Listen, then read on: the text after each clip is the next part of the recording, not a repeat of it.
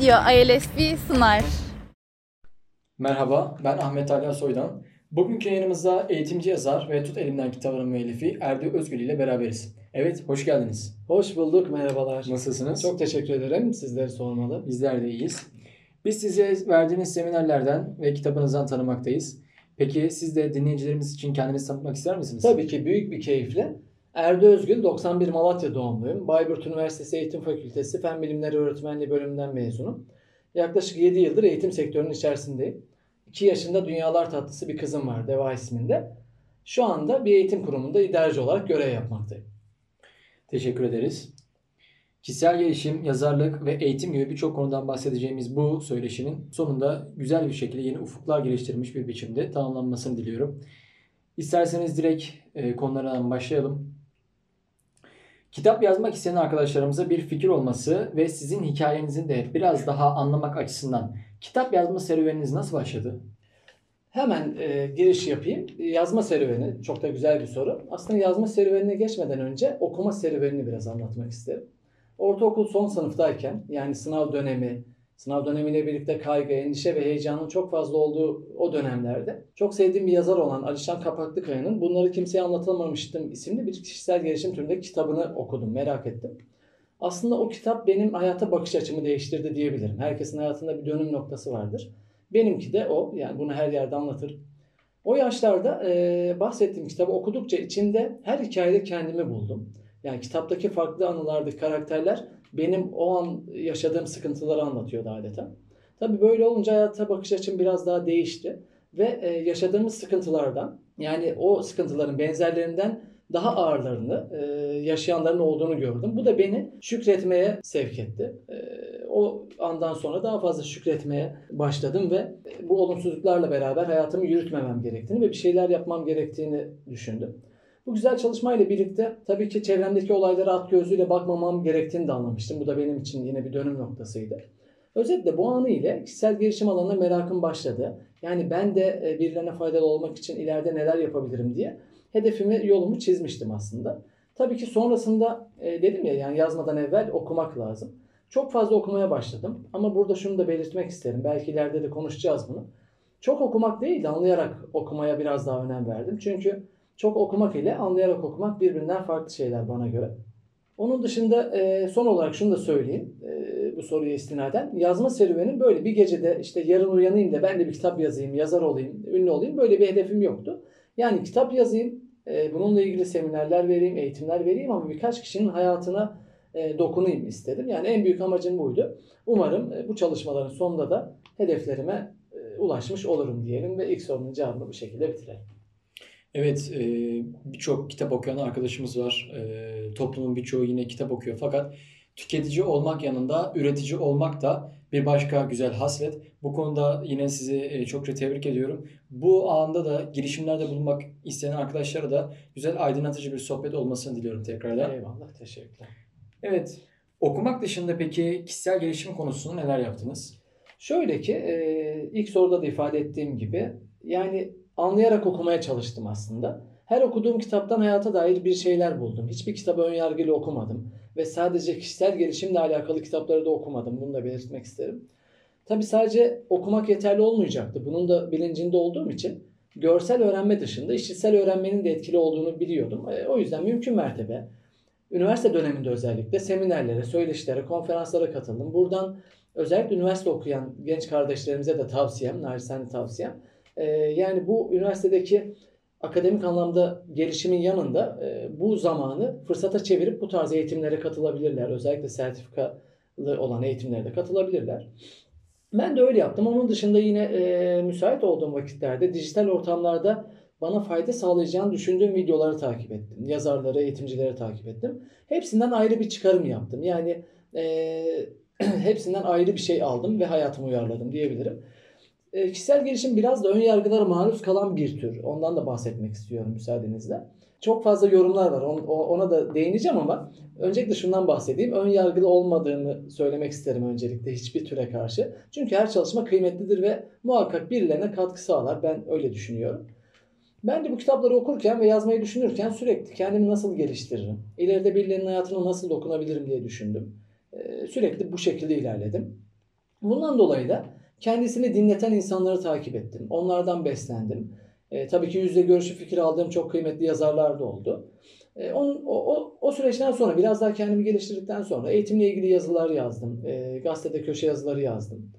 Mesleğim gereği eğitimci bir insanın dokunması, fayda sağlaması gereken çok fazla öğrencisi olduğu kanaatindeyim. E, hala da öyleyim. Zaten 7 senedir de meslek hayatım boyunca e, yapabildiklerimin en iyisini yapmaya çalışıyorum. Daha fazla kişiye nasıl ulaşabilirim diye de bana ait bir eser olması gerektiğini düşündüm.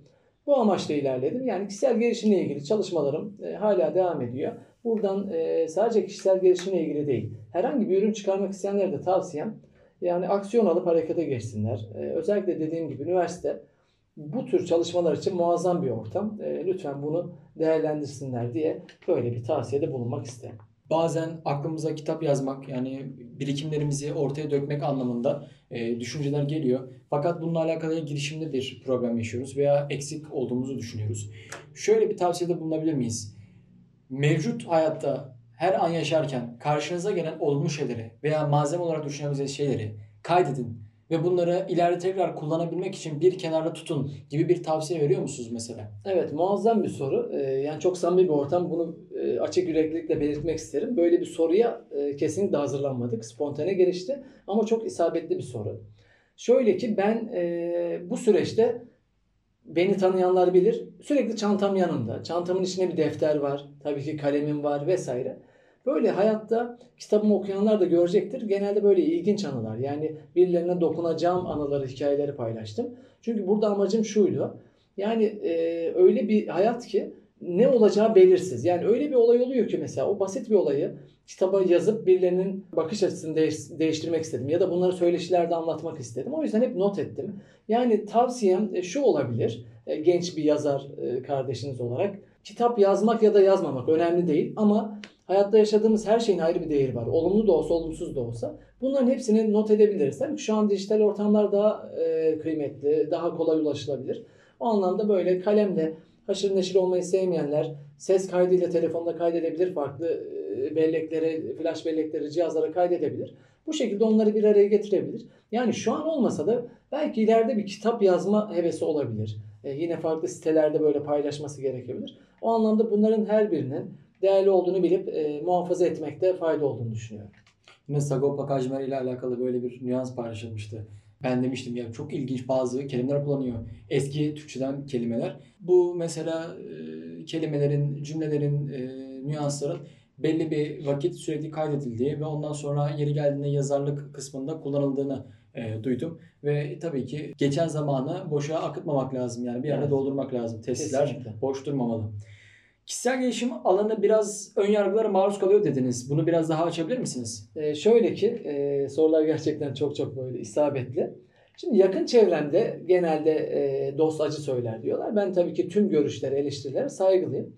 E, özellikle kitabın türünü soranlar e, kişisel gelişim cevabını alınca sadece o iki kelimeye odaklanıp aslında onun içeriğinde neler var? Yani bu kitap ya da buna benzer bu tür alanda kitaplar ne anlatıyor? Onu okumadan ya da e, birkaç kitap okuyup yorum yapmayı e, doğru buluyorlar. Tabii ki saygı duyuyorum. Ben çok doğru bulmuyorum ama genelde şunları duyuyorum.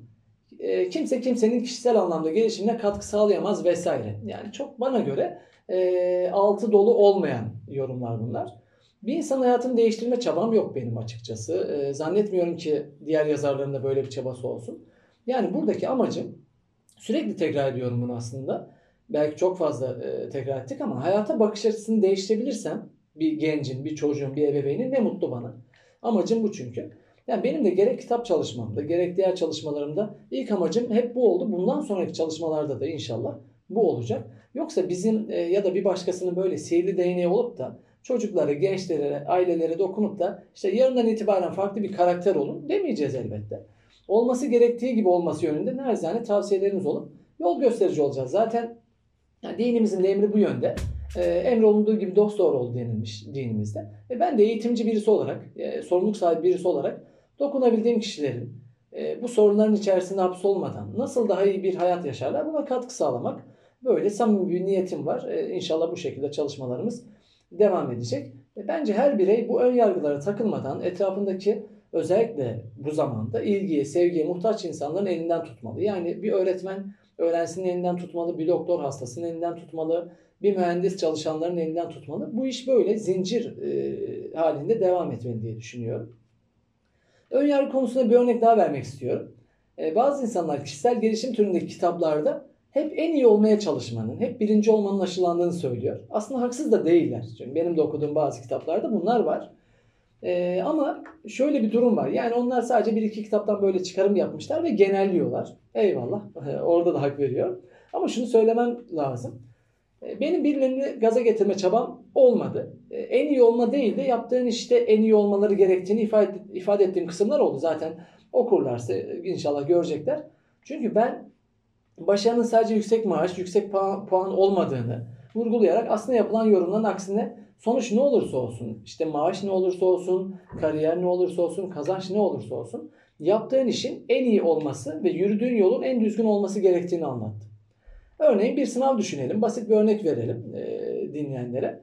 Sadece birinci olanla ilgilenip tercih yaparken e, sadece ona zaman harcamak büyük bir vebal olur diye düşünüyorum. Bu yüzden sonuncu olana da aynı ölçüde destek verip yapılabilecek en iyi şey üzerinde planlar yapılmalı. Yani doğru olan da budur. E, yoksa bu eleştiri yapanları haklı çıkarsaydık sadece iyi olanlarla ilgilen, ilgilenmemiz gerekirdi. Bu önemli bir husus. Buna dikkat etmeliyiz. Özellikle eğitimciler olarak. Bir öğrenciyi iyi bir üniversiteye göndermekle istediği puanı yapamayan bir öğrencinin bir daha hazırlanarak hedefine ulaşmasını sağlamak bana göre eşdeğer. Yani ikisi de çok çok kıymetli. Ya da istemediği bir bölüme gidince başarılı ve mutlu olmuş e, sayılmayacak bir öğrenci var mesela. Bunlara da dikkat etmemiz lazım. Yani istemediği bir bölüme gitmesini e, tavsiye etmeyip yol gösterici olmamız gerekir diye düşünüyorum. Tabii ki ön yargılardan sıyrılıp yapmamız lazım bu işleri. Yoksa hiçbir kıymeti olmaz. Ee, yoksa okur, okurlara tabiri caizse yani gaz verip en iyi yolun, birinci olun, en iyi olun, birinci olun gibi tavsiye doğru olmayacaktır ama ben kitapları kitabımda inşallah kitaplarımda olur diyelim. Hep sevgi dolu olmalarını söyledim. Umarım bu da eleştirilmez diyelim de bu soruyu da böyle bitirmiş olalım. Evet. Ee, bahsettiniz az önce aslında insanları değiştirmeye çalışmak e, ile alakalı, kişisel gelişimle alakalı, olumsuz yorumlarla alakalı. Benim de bu konuda e, hatırladığım bir söz aklıma geldi. Onu ben de söylemek isterim. Diyor ki insanların karakterini okuyabilirsiniz. Bu da bir sünnettir. Mesela çocuklarınızın, arkadaşlarınızın karakterlerini okuyun. Ama diyor sert mizaçlı çocuğunuzu arkadaşınızı uysal, uysallaştırmaya çalışmayın. Bırakın o da Ömer gibi olsun arkadaş. Evet. Yani ona bir şeyler anlatmaya çalışırken, onu geliştirmeye çalışırken onun mizacıyla uğraşma ya. Ya onu başka yönden geliştirmeye çalış. Onun e, kişisel gelişimi anlamında bir etki ederken çocuğun baştan sona tüm kimyasını değiştirmeye çalışmıyorsun ki. Veya komple yapısını değiştirmeye çalışmıyorsun. Evet işte hata burada yapılıyor aslında. Yani burası çok önemli bir nüans. Yani tamamen ben ona etki edeyim, bir şeyler söyleyeyim de yarın farklı bir insan olsun. Böyle bir şey mümkün değil zaten.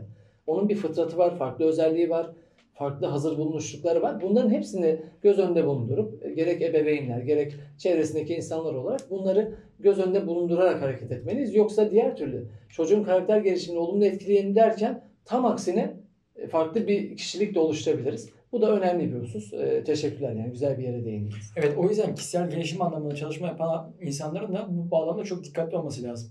Ama evet. ben inanıyorum ki e, zaten bu yolda adım atanların bu tür e, içeriklerden beslendiği e, doğrultuda bir adımları ol, olacağı için e, bunun herhalde bilincinde olurlar diye Kesinlikle. Umuyoruz. Aynen öyle. Evet, e, başarı yolunda anlatmak istediğiniz hikayeniz, anınız var mıdır diye soracağım ama bunun öncesinde şunu da sormak istiyorum. Hı hı. Bu yazarlık yolunda sizi olumsuz etkileyen şeyler de nelerdi? Yani başarı konusuna girmeden önce isterseniz ilk önce onları konuşalım. Ha, tabii ki onu da söyleyelim. Yine yakın çevreyle başlayalım. Sonuçta eş dost e, bunlardan e, birkaç tane böyle olumsuz yorum yapmıştır. Yani genelde şunları duydum. İşte kitap çıkaracaksın. Ya herkes çıkarıyor. İşte kazancı az, şu bu. Yani herkesin artık e, kafasında birinci öncül her zaman maddiyet olmuştur. Aslında ben kitapta bundan da bahsettim. Çünkü başarının yanında hep böyle maddi gelir, kazanç da konuşuluyor. Bu tarz eleştirilere maruz kaldım. Tabii ki hiçbirisini e, takmadım. Yani neden? Çünkü benim e, bir inancım var, bir hedefim var. O yolda ilerleyeceğim. O yüzden olumsuz şeyleri fırsata çevirmek istedim. Çünkü başarıdan birazdan belki bahsederiz. E, olumsuzluklar bile başarı için atılmış ciddi bir adım. Ben onların tam aksine inat ederek değil ama yani onları nasıl olumlu yöne çeviririm diye uğraştım. E, nasip oldu kitabımızı çıkardık. Yaklaşık bir yıl oldu. E, tabii ki e, bunun dışında yine olumsuz eleştiriler aldım ama aklıma gelen şu an paylaşmak istediğim bu. Tamamdır. Teşekkür ederim. Yine e, sorumuza dönersek. Başarı yolunca anlatmak istediğiniz hikayeniz, anınız var mıdır? Şöyle ki e, yani ben gibi e, atıyorum 10 yaşında bir çocuğun da 15 yaşında bir çocuğun da başarı öyküsü vardır. Herkesin farklı başarı öyküleri vardır. Ben de başarı yolunda e, atılmış bir adımı anlatmak istiyorum. Yine üniversitede e, 2012-2013 yıllarında bir eğitimde yaşadığım anımı anlatmak istiyorum. E, başarı bu arada kitapta da bahsettiğim bir başlık. Başarı ölçütü diye bir başlığımız vardı onu da söyleyeyim. E, başarının zaten belli bir kriterinin olduğunu düşünmüyorum. İnsanın vicdanı rahatsa, anlatırken, yaşarken, yaparken mutlu oluyorsa başarılıdır e, diye düşünüyorum ben. Şimdi üniversitede e, bir eğitim vardı. Çok değerli bir hocamız vardı. Eğitimin sonunda tabii birkaç hafta sürdü. Sertifikalı bir eğitimdi, ciddi bir eğitimdi. Eline bir ayna aldı. Artık son günüydü programın, öyle zannediyorum. Ayna aldı ve tüm katılımcılara tek tek söz hakkı verdi. Kürsüye çağırdı. Soru şu şekildeydi. Çok önemli ve değerli. 10 yıl sonra kendinizi nerede görüyorsunuz diye bir soru sordu. Aynaya bakarak. Şimdi tabii herkes düşünüyor orada. Birkaç dakika sonra katılımcılardan kalkmaya başladılar. Önden başladı. Ben de ikinci, üçüncü sıradayım. Tabii ben orada e, şunu da düşünmedim değil. Kafamız enteresan çalışıyor. Neden 10 yıl dedim acaba? Niye 9 değil ya da 11 değil ama dedim ki bu gereksiz bir ayrıntı. Ben burada asıl meseleye takılayım. 10 yıl sonra gerçekten kendimi nerede görmek istiyorum? Tabii bu eğitime girerken bir mülakat yapıldı. O mülakatta da ben kişisel gelişimle ilgili bir hedefim olduğunu orada söylemiştim zaten. Sonra katılımcılar tek tek kalktı. Bir iki tanesinin cevabından bahsetmek istiyorum hatırladığım kadarıyla. İşte aynaya baktı. Hocam ben 10 yıl sonra kendimi bir şirket sahibi olarak görüyorum dedi. Eyvallah teşekkür edip gönderdi. Diğer bir arkadaş kalktı. Mühendislik fakültesinden de zannedersem. Ben iyi bir mühendis olmak istiyorum dedi. Yerine oturdu. Birkaç arkadaş böyle çıktı. Zengin olmak istiyorum. Şöyle böyle vesaire güzel cevaplar vardı. E ben de tabii ki eğitim fakültesinde okuyorum. Farklı bir cevap vermem gerekir diye bir e, sorumluluk hissettim kendimde. İyi bir öğretmen olmak zaten benim en büyük hedefimdi. Yani annem de benim iyi bir eğitimci, iyi bir öğretmen olmamı isterdi. Allah çok şükür e, güzel işler yapmaya çalışıyoruz. Farklı bir cevap vermek için kürsüye doğru geçtim ama ben diğer arkadaşlarımdan farklı olarak şöyle yaptım. E, hocamızın ismi de Kadir'di. Dedim ki Kadir hocam bir müsaade ederseniz kürsüye ben geçeyim siz şöyle alalım dedim. Hocamız da bir tebessüm etti. Ondan sonra hocamızı kürsüden kibarca uzaklaştırdı. O artık dinleyici kısmına yaklaştı. Sonrasında aynaya bakıp şöyle dedim. Çok iyi hatırlıyorum. Hocam e, ve diğer arkadaşlar 10 yıl sonra kendimi bu tür ortamlarda e, ve sizin yerinizde görüyorum hocam dedim. Hoca aslında orada mesajı aldı. Yani onlarca, yüzlerce, belki binlerce insana seminer veriyorken, e, söyleşi yapıyorken, konferans veriyorken görüyorum demiştim. Belki sizler de dinleyici olursunuz bu yerlerde demiştim ve hocamızın çok çok hoşuna gitti. E, hocamız bu cevabımı alkışlatarak oradaki arkadaşlara işte beklediğim cevap buydu demişti. Tabii ki mutlu oldum bu tepki karşısında. Sonuçta öğrenciyim. Bu başarı öykümün bir parçası diyebilirim. Çünkü o zaman planlarımda kitap, seminer, söyleşi sürekli tekrar ediyorum. E, bunları hep bunlar vardı. Yani bana göre başarı e, hedefine emin adımlarla ilerlemek. Ben de öyle yapıyorum. E, ve 10 sene dolmadan inşallah güzel işler yapacağım. Yani 10 seneye yakınız. E, güzel bir e, sayı söylemiş hocamız. Demek ki burada bir hikmet var. Umarım bu yolda e, duraklamadan ilerleriz diye düşünüyorum. Şimdi e, genelde sosyal medyadan veya işte başka platformlardan şahit olduğumuz üzere yazarların, entelektüel e, birikim sahibi insanların, ariflerin e, böyle sanat yönleri de var. Yani sanatsal bakımdan e, kendilerini gelişmiş olabiliyoruz. Çok farklı yönlerini birden keşfetmiş olabiliyoruz. Belki de bu ortak bir özelliktir. Ve sizin de yine böyle bir yönünüz olduğunu biliyoruz. E, bunun sizin tabii kişisel gelişiminize, yazarlığınıza bir katkısı var mı? Ben bu konuya da çok ilgileniyorum. Sizin sesinizin güzel olduğu, güzel şarkı söylediğiniz e, ve e, her türlü müzik aletini e, birazcık kurcaladıktan sonra çalabildiğinizi duyduk, işittik. E, bu konuda neler demek istersiniz? Bu Evet. bir ortak yön müdür? Yani bu ilahi tarafından aslında verilmiş bir mesaj mıdır? Bizler hiç yazarlığa bulaşmayalım. Ne dersiniz bu konuda? Yok yok kesinlikle çok yönlülük iyidir. Yani çok yönlülük derken tabii ki her şeyden biraz değil ama e, yaptığın işte e, nitelik e, olması önemli diye düşünüyorum. Müzik de tabii çok çok sevdiğim bir alan. Böyle genelde Türk sanat musikisi söylemeyi severim. E, bir buçuk sene civarında Eyüp Musiki Vakfı'na gittim. Orada e, korist olarak görev yaptık. Tabii ki pandemi de e, bu süreci etkiledi ve biraz ara verdik. Onun dışında yine böyle arkadaş ortamında meşkler yapmaya çalışıyoruz. E, güzel tepkiler de var. E, umarım böyle de devam eder. Yine öğrencilerden bir örnek vereceğim. Hem üniversite hem lise hem ortaokul fark etmez. Yani sanatla uğraşan insanlara baktığınız zaman onların at gözlüğü takmadığını görüyorum. Yani olaylara farklı bakış açısıyla yaklaştıklarını görüyorum. Bu benim çok hoşuma gidiyor. Yani biz yüzlerce binlerce öğrenci gördük. Hepsinde bunu gözlemledim. Yani bir bakıyorum öğrencimiz bağlama kursuna gidiyor. Ya diğer öğrencilerden farklı. Bu şu demek değil. Yani herkes bir işte enstrüman çalsın, hayatı değişsin değil ama yani buradan ailelere, e, ileride anne baba olacak e, kardeşlerimize de tavsiyem İnşallah e, Allah nasip ederse çocukları olursa muhakkak ama muhakkak her enstrümanın farklı yaşı var vesaire. Ona uygun şekilde çocuğun da isteğine binaen güzel bir sanat kursuna göndermeleri. Ya bu anlamda bu e, hayatını her türlü etki edecek. Benim de hayatıma katkı sağladı diyebilirim. Ya bu yazma sürecini de olumlu etkiledi. Onun dışında böyle sosyalleşme anlamında da çok katkı sağladı. İnşallah bir gün e, farklı bir yayında da belki bir Türk sanat musikisi söyleriz enstrüman eşliğinde. Valla sonunda bir sürpriz yapabiliriz. Ben yine de e, buradan söyleyeyim. E, tabii ben burada şu anda soru soran, e, söyleşi gerçekleştiren konumundayım ama kendi hayatımda da, kendi e, başarı e, olarak atlettiğim hikayemde de sporun yerine yine e, Tabii tabii tabii kesinlikle gördüm. sanat, spor çok önemli. spor anlamında ne kadar yoğunluk olursa olsun bir şekilde araya sıkıştırmak e, ve onunla ilgilenmek istedim. Bu benim enerjimi de yüksek tuttu. Hazır enerji demişken e, bir diğer bilinçaltı terapisti e, Ali İhtiyar ile yaptığımız e, kaydı da yine dinlemenizi buradan öneririm. Orada da yine e, zinde olmanın sırları, e, frekansımızı yüksek tutmanın sırlarıyla alakalı görüşmüştük ve konuşmuştuk. E, bu bağlamda yine ben de UD'a başladım ve e, çok olumsuz değişik tepkiler almış olmama rağmen en başta bu e, serüven şu anda gayet olumlu bir şekilde gidiyor. Bunun güzel bir etkisini de görüyorum. E, buradan e, dinleyici arkadaşlara bu konuda e, çok özgüvenli olabileceğinizi ve e, adım atmanın sadece bir anlık bir hikaye olduğunda, bir anlık bir e, durum olduğunda buradan bahsetmek isterim. Bu arada hemen araya giriyorum. Ud da farklı bir enstrüman. Yani o eleştirilerin sebebi alışılmışın dışında bir enstrüman olmasından kaynaklanıyor olabilir ama e, tabii ki e, kesinlikle kursa devam edin. Çok çok güzel bir enstrüman. Yine bir şey daha söylemek istiyorum. Spor dediniz. Çok çok önemli. Bütün örnekleri aslında ebeveynlerle yaşadığım için oradan örnek ver- vermek durumunda kalıyorum. Sınav grubu öğrencileriyle karşılaştığımız zaman bizim çalıştığımız kurumlarda sanat atölyeleri var, spor faaliyetleri var. Anne babalar sınav grubu öğrencilerinin o sanattan, spordan uzak kalmasını istiyorlar. Ben bunu çok doğru bulmuyorum. Çünkü iyi bir planlamayla yani çocuk başarılı olacak, e, bir başarı öyküsü olacak. Orada iyi bir planlamayla zaten hedefine ulaşması lazım. Ya burada başarı demişken yine şunu da söyleyelim. İlk önce öğrenci kendisini tanıyacak, bilecek, özelliklerini bilecek. Ona göre sporla da ilgilenebilir, sanata da vakit ayırabilir, dersine de vakit ayırabilir. Bu çok önemli. Onun dışında tabii ki sağlam planlar yapmalı. Yapmalıyız ya da istikrarlı olmalıyız. Bu da çok çok önemli. Sınava hazırlanan birisi için e, sınav gününe kadar ne yapması gerektiğini yazmalı, çizmeli. Yani o planı çok sağlıklı bir şekilde yapmalı. E, yine en sonda aksiyon alıp artık harekete geçmeliler.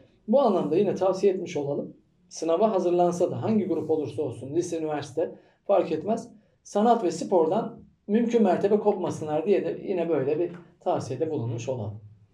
Tamam çok teşekkür ederim. Çok sağ olun. Yine bir sonraki sorumuza isterseniz devam edelim. Tut Elimden kitabından bahsedebilir misiniz bize? Bu e, yazarlığınız konusunda şu anda ilk ürününüze ulaşmış olduğunuz Tut Elimden kitabıyla e, bir girizgah yaptık. Konu onun çerçevesinde biraz ilerledi. Tut Elimden kitabından da bize biraz bahsedebilir misiniz? Tabii ki. Yani tebessüm ederek bahsedeceğim. Çünkü çok çok mutlu olduğum bir çalışma. Yani şu an birinci kitap e, bitti. Yani ikiye bir hazırlığım var ama henüz yazmaya başlamadım. Şu an e, başında bahsettiğim gibi not alma ve gözlem yapma aşamasındayım.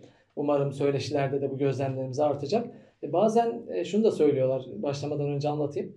Yani işte ikinci kitap ne zaman, üçüncü kitap ne zaman? Şu an öyle bir hedefim yok. Yani benim amacım ilk kitapla insanlara dokunmak, fayda sağlamak. Sonrasında ikincisi, üçüncüsü e, inşallah olabilir diyelim. Şöyle ki Tut Elimden kitabı benim senelerdir aslında hayalimde olan bir kitap tür olarak. İsmini biraz daha uzun düşünüyordum ama sonradan e, üniversiteden çok çok sevdiğim bir hocam vardı. Benim her daim destekçim ve kitapta da güzel görüşlerini paylaştı. Nur Hümeyra Özdemir. Kendisine de buradan selam ederim. En son ismi onunla beraber kararlaştırdık. Tut elimden olsun diye. Bu e, kitabı kızıma ithaf ettim. Benim için çok anlam ifade eder kızım. Çünkü e, her insan böyle çocuğuna işte ileride ev bırakmak ister, araba bırakmak ister. Bunlar hayatın gerçekleri. Sonuçta e, maddiyatta çok çok önemli. Ben de tabii ki ileride kızıma e, bir maddi anlamda miras bırakmak isterim ama onlardan daha kıymetli olan bir miras olarak görüyorum bunu, bu çalışmayı. O yüzden inşallah kızıma bir hediye e, hazırlamış oldum. E, Allah nasip ederse ileride okuduğunda "Ya babam e, böyle düşünüyormuş deyip o da hayata bakış açısını değiştirebilir. En yakınımıza da katkı sağlamış oluruz. Şöyle ki üniversite yıllarında çok fazla seminer ve söyleşiye katılma fırsatım oldu demiştim. Tabii bu kitaplar, bu kitabın hazırlıkları orada başladı. Yani uzun soluklu bir iş. Sertifikamı da o zamanlar almıştım. Yine üniversiteli kardeşlerimize de tavsiye etmiş olalım. Sertifikalı eğitimleri kaçırmasınlar. Sürekli araştırsınlar. Ben de öyle yaptım. Yanımda hep defterim vardı. Hep notlar aldım. E, ama burada aslında o notları alırken yani o notların bir gün böyle tozlanacağını falan düşünmedim. Sürekli aklımda şu vardı. Evet onları bir gün birleştireceğim ve bir ürün çıkaracağım ortaya. Yani inşallah beğenilir tabii ki. Yani eleştirenler de olacaktır. Sonuçta ilk çalışmamız ama şunu söylemek istiyorum. Buranın altını çizerim. Aslında ben e, yağmur doğasına şemsiyeyle gidenler gibiydim. Yani bu işe inanmıştım ilk günden itibaren. O yüzden inancım sonsuzdu. İnanç çok çok önemli diyelim. Başarı yolunda. E, yaşamış olduğum anları paylaştım kitapta daha çok. Toplamda 17 tane başlık var. Biraz içeriğinden de bahsedeyim. Yine köy okullarında öğretmenlik yapan çok kıymetli meslektaşlarım da vardı. Hepsinin isminden e, bahsettim kitapta. Onların da anılarını paylaşma imkanım oldu. Her başlığın sonunda aslında okurlara sosyal mesaj vermeye çalıştık. Bu arada kitap yaş olarak 7'den 70'e hitap ediyor diyebilirim. Çünkü küçük birisi okuduğunda ileride belki ne yapması gerektiğini görecek. Büyük birisi okuduğunda da neler yapmadığını, yapamadığını görmüş olacak. Bu anlamda e, hitap ettiği yaş grubunda buradan söylemiş olalım. Tabi içeriğinden çok fazla bahsetmeyelim. Sürpriz olsun. Umarım okuyan herkese fayda sağlar. Ee, inşallah bundan sonraki süreçte de seminer ve söyleşilerle hem öğrencilere hem ebeveynlere e, ulaşıp onlarla gönül bağı kurmak en büyük temennim. O günler içinde çalışmalar e, şu an olduğu gibi devam ediyor. Tabi bunun yanında dualar da devam ediyor. Fiili duamız e, bu şekilde. Umarım her şey e, güzel olur, kaliteli olur. Çok fazla çocuğa da, öğrenciye de, aileye de dokunmak nasip olur diyelim ve bu şekilde bitirelim. Çok teşekkür ederim ben. Ben de çok teşekkür ederim. keyifli. Çok keyifli, güzel bir sohbet oldu. Ee, yine ileride farklı sohbetlerle yine Tabii sonra yazdığınız başka kitaplardan sonra e, başka e, söyleşilerle de bir araya gelmek isterim. Çok değer verdiğim bir başka hocamızın bir sözüyle bitirelim isterseniz. Tam şu an aklınızdan başarısızlık, özgüvensizlik, sınırlanmışlık, reddedilme, sıkılganlık, ümitsizlik, korku, her ne çeşit duyguya sahip olduğunuz önemli olmadan duygunun oluşturduğu rahatsızlık veren düşünceyi kabul et. De ki, başarısız oldum ama en güzel şekilde. Sıkıldım ama çok iyi sıkıldım. Yani duygunun vermiş olduğu düşünceyi değiştirmeyi deneyimleyerek daha iyi hissedebilir ve o duygunun kodunu bu şekilde değiştirme şansını bulabilirsiniz. Ardından soru şu olmalı. Her şey yolunda bundan ne öğrenmeliyim? Kendimizi e, güzel hissedebileceğimiz, e, fayda sağlayabileceğimiz, bizden başkasının aslında e, olmadığını, bizim kendi özümüzde özgün olduğumuzu yine bir şekilde kavrayabildiğimiz bu yayın sonuna gelmiş bulunmaktayız. Çok teşekkür ederim katıldığınız için. Ben de çok teşekkür ederim. Gerçekten çok keyifliydi. Benim açımdan öyleydi. Umarız dinleyenler açısından da keyifli olur. Ee, yine belki fikirlerimize katılmayanlar olabilir. Bunlar çok doğal. Eleştirenler olabilir ama umarım o eleştiriler bize ulaşır ve kendimizi yenileriz. Ee, bu şekilde onlara da şimdiden teşekkür etmiş olalım. Tabii size yine ulaşmak adına e, Instagram adresinizi paylaşmak ister misiniz? Tabii e, Erde Ozgul yani e, basit e, zaten giriş yapıldığında yan tarafında kitabımın ismi yazar. O şekilde oradan da takip edebilirler. diye. Tamamdır. Çok teşekkürler. Sağ olun. Hazır e, kimseye benzemediğimizi, e, kendimize özgün olduğumuzu bahsetmişken size bu yayının sonunda bir benzemez kimse sana girişini alabilir miyiz lütfen? Şöyle ki e, şimdi her şeyi bir programda verirsek olmaz. Biraz da merak uyandırsın. İnşallah ikinci programda söz verelim ve enstrüman da olsun. Şöyle söyleyeyim. Evet e, sanatçılarımızın mesela Orhan Gencebay'ın mutlaka yanımda enstrüman olması lazım söyleyemem gibi olaylarını çok duyduk, işittik, izledik. E, birazcık bu konuda da bağışıklık sahibiyiz. Lütfen ben tekrar buradan ısrar edeyim. Benzemez kimse sana girişini yapsak duysak bizim için yeterlidir efendim. Yani peki böyle bir hazırlığımız yoktu. Ters köşe olduk diyelim. Talha Soy'dan bizi ters köşe yaptı ama e, yapmadan bitirmeyecek herhalde. El, el mecbur şu anda. evet buyurun efendim. Şarkı seçimini keşke bana bıraksa. o zaman farklı bir şarkının girişini yapalım. Tamam Kabul olabilir. edersen. Tabii olabilir. Elbet bir gün buluşacağız. Bu böyle yarım kalmayacak. İkimizin de saçları